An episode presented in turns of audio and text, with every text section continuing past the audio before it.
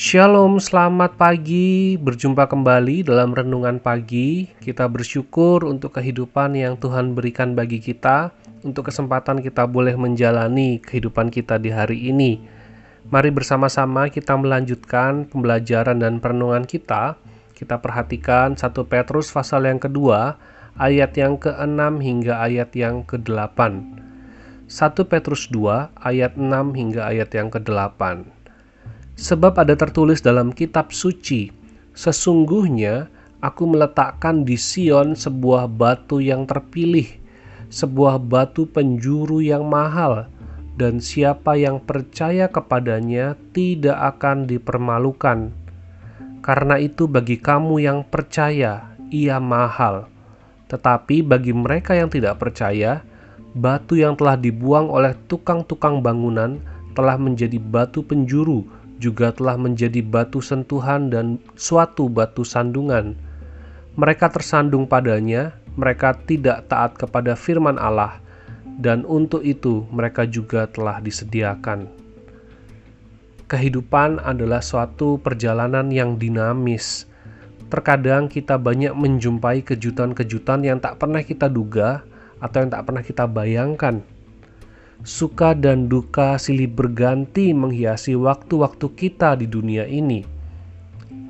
Menjalani kehidupan Kristen sebagai minoritas bukanlah hal yang mudah. Dihina dan direndahkan bukan tidak mungkin akan kita hadapi, atau mungkin juga telah kita alami. Di dalam dinamika kehidupan dan iman kita, kita melihat ada orang-orang yang begitu teguh dalam imannya, walaupun nyawa menjadi taruhannya. Namun, tidak sedikit juga yang meninggalkan Tuhan demi kehidupan yang katanya lebih baik. Rasul Petrus menuliskan bagian ini untuk orang-orang percaya di perantauan, yang dalam keseharian mereka, mereka juga mendapatkan tekanan dari pemerintahan kerajaan Roma pada saat itu yang berkuasa, dan juga dari serikat-serikat dagang yang memonopoli pasar pada saat itu karena banyak orang-orang Kristen merantau berdagang dan mereka juga mendapatkan tekanan dari mayoritas masyarakat penyembah berhala pada saat itu. Nah, bagaimana agar kita dapat tetap menjaga kehidupan iman kita di dalam percaya kepada Kristus, di dalam percaya kepada Yesus? Jawabannya adalah dengan melihat Yesus adalah yang paling berharga pada hakikatnya ia adalah berharga karena Yesus adalah jalan dari Allah untuk keselamatan manusia. Tidak ada yang lebih berharga dari keselamatan dan pengampunan dosa dari Allah. Yesuslah satu-satunya jalan kita dapat memperoleh pengampunan dan keselamatan dari Allah. Oleh sebab itu, Ia adalah yang sangat berharga bagi kehidupan kita, karena di dalam Kristus kita mendapatkan pengampunan dari Allah. Di dalam Kristus kita mendapatkan keselamatan dari Allah. Tidak ada yang dapat menandingi apa yang Allah berikan, yaitu Yesus. Petrus mengatakan bahwa Yesus adalah yang terpilih, sebuah batu penjuru yang mahal, dan siapa yang percaya kepadanya tidak akan dipermalukan memang adalah hal yang mungkin suatu kebodohan bagi orang-orang di saat itu untuk percaya kepada Yesus. Yesus yang adalah pemimpin agama, pemimpin gerakan masyarakat yang akhirnya mati di atas kayu salib. Bagi orang-orang itu adalah hal yang memalukan. Tetapi bagi orang-orang yang ada bersama-sama dengan Yesus, yang melihat dan mendengar pengajaran Yesus, yang juga berjumpa dengan Yesus setelah kebangkitannya. Itu adalah satu rencana Allah yang besar yang telah disiapkan beratus-ratus bahkan beribu-ribu tahun sebelumnya. Yesus adalah jalan dari Allah, adalah suatu hal yang berharga. Yesus yang kepadanya kita beriman adalah batu penjuru atau batu kuncian yang membuat sebuah bangunan dapat berdiri kokoh dan tidak roboh ia adalah fondasi, ia adalah batu penjuru. Yesus adalah segalanya. Ia mati menjadi korban untuk kita. Ia bangkit menjadi jaminan bagi kita, dan Ia akan datang kembali menjemput kita. Inilah pengharapan kita. Dan siapa yang percaya kepadanya tidak akan dipermalukan.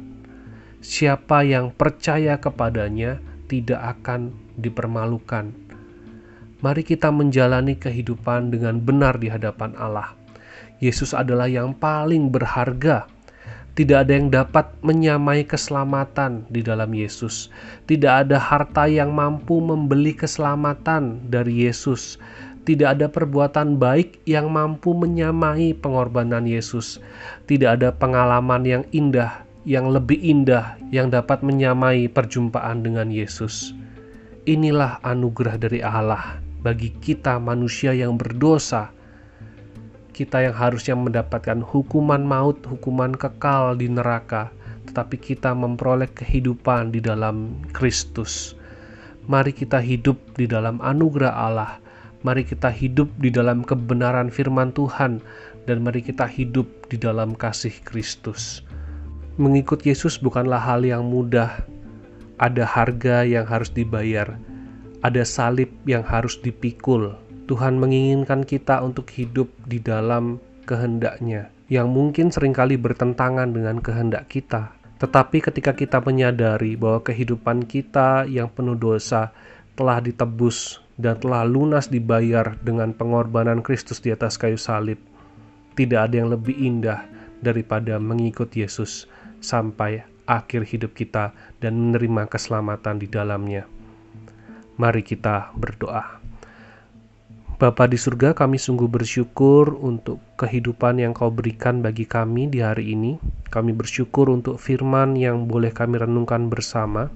Terima kasih untuk keselamatan yang engkau berikan di dalam Kristus. Yesus Kristus adalah satu-satunya jalan bagi kami untuk beroleh pengampunan dari Allah, untuk boleh menerima keselamatan daripadamu ya Tuhan. Kami bersyukur kami boleh menerima Kristus sebagai Tuhan dan Juru Selamat kami dan biarlah kami boleh menjalani kehidupan kami sesuai dengan kehendak Tuhan, karena kami sekarang adalah milikmu.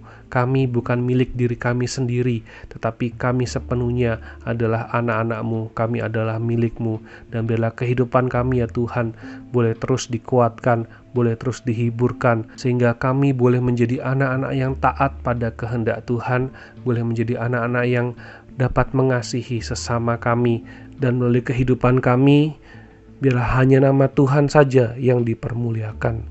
Terima kasih ya Tuhan, kami juga menyerahkan untuk kehidupan kami sepanjang hari ini.